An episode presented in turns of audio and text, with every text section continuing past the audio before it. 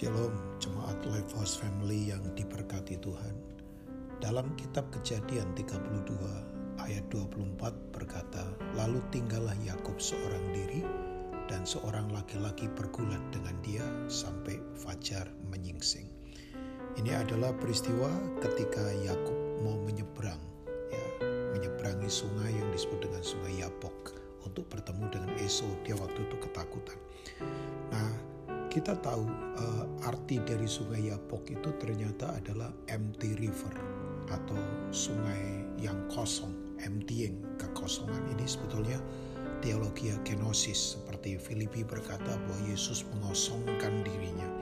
Nah, kita tahu Yakub ini uh, atas anugerah Tuhan lewat orang ini yang arti namanya adalah penipu, Tuhan punya rencana untuk melahirkan bangsa namanya Israel. Tapi dia harus bergulat dulu. Nah, kita tahu Yakub ini adalah orang yang memang kasihan sebab begini ternyata.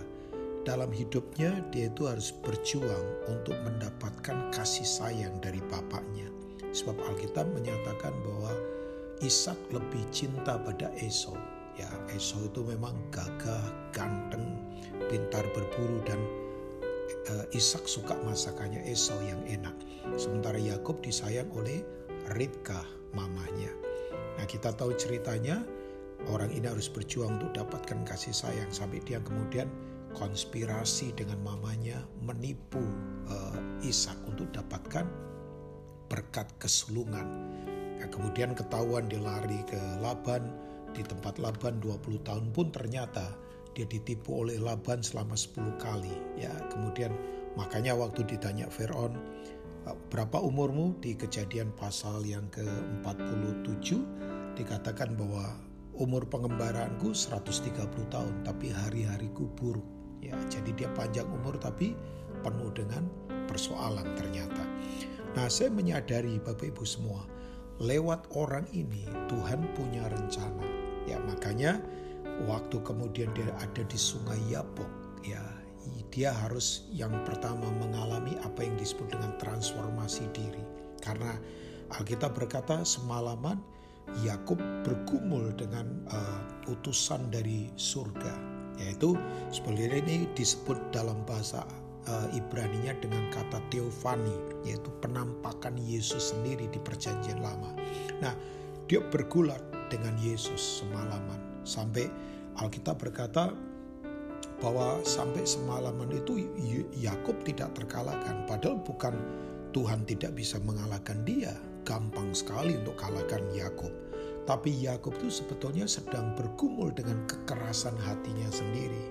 Karena dia memang penuh dengan kepedihan di dalam.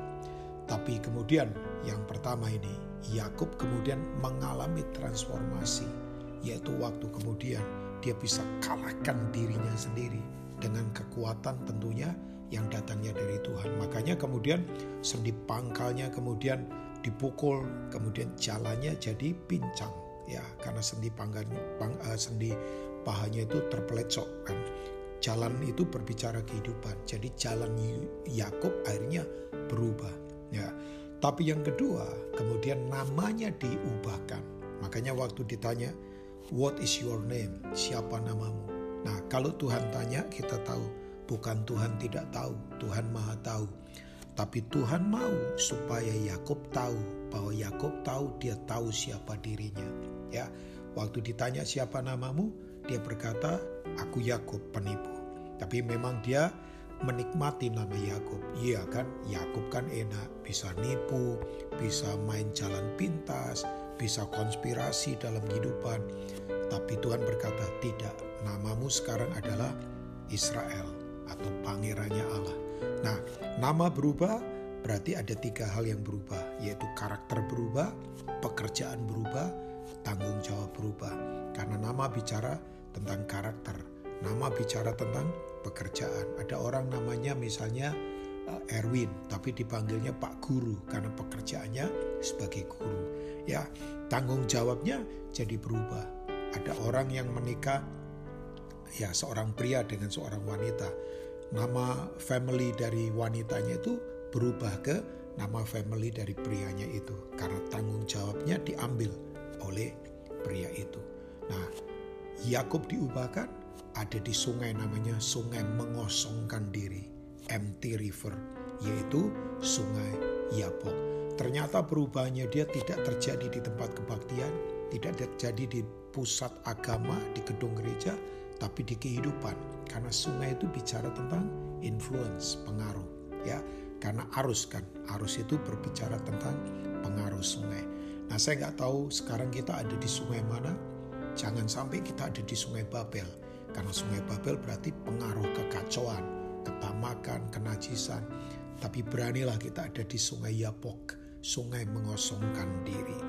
Tuhan Yesus memberkati Bapak Ibu semua.